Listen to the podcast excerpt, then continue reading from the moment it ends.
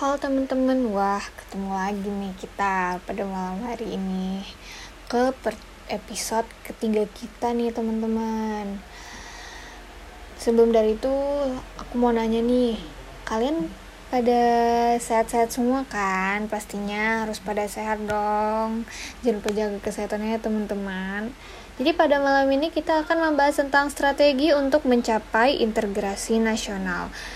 Yang kita ketahui, integrasi nasional adalah bersatunya suatu bangsa yang menempati wilayah tertentu dalam sebuah negara yang berdaulat. Ada lima pendekatan strategi integrasi nasional, yaitu yang pertama adanya ancaman dari luar.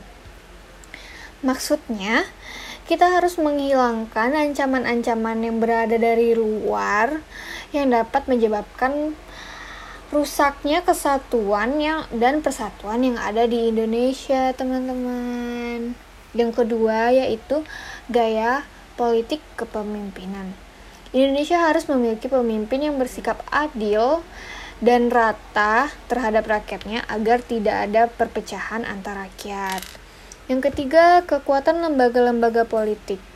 Yang dimaksud dari kekuatan lembaga-lembaga politik yaitu tidak hanya pemerintah saja yang harus bersikap adil, namun lembaga-lembaga di dalamnya pun harus bisa menjadi kepercayaan rakyat dan bersikap adil kepada rakyat. Yang keempat, ideologi nasional. Ideologi nasional kita yang seperti kita ketahui adalah Pancasila maka dari itu Pancasila tidak dapat digantikan dan makna dari Pancasila itu sendiri yaitu persatuan untuk seluruh Indonesia. Yang terakhir yaitu kesempatan pembangunan ekonomi. Yang kita ketahui ekonomi sangat penting teman-teman bagi negara itu karena suatu negara jika melemahnya pendapatan dari negara tersebut bisa menjadi suatu faktor negara itu lemah dan mengakibatkan tersiksanya rakyat.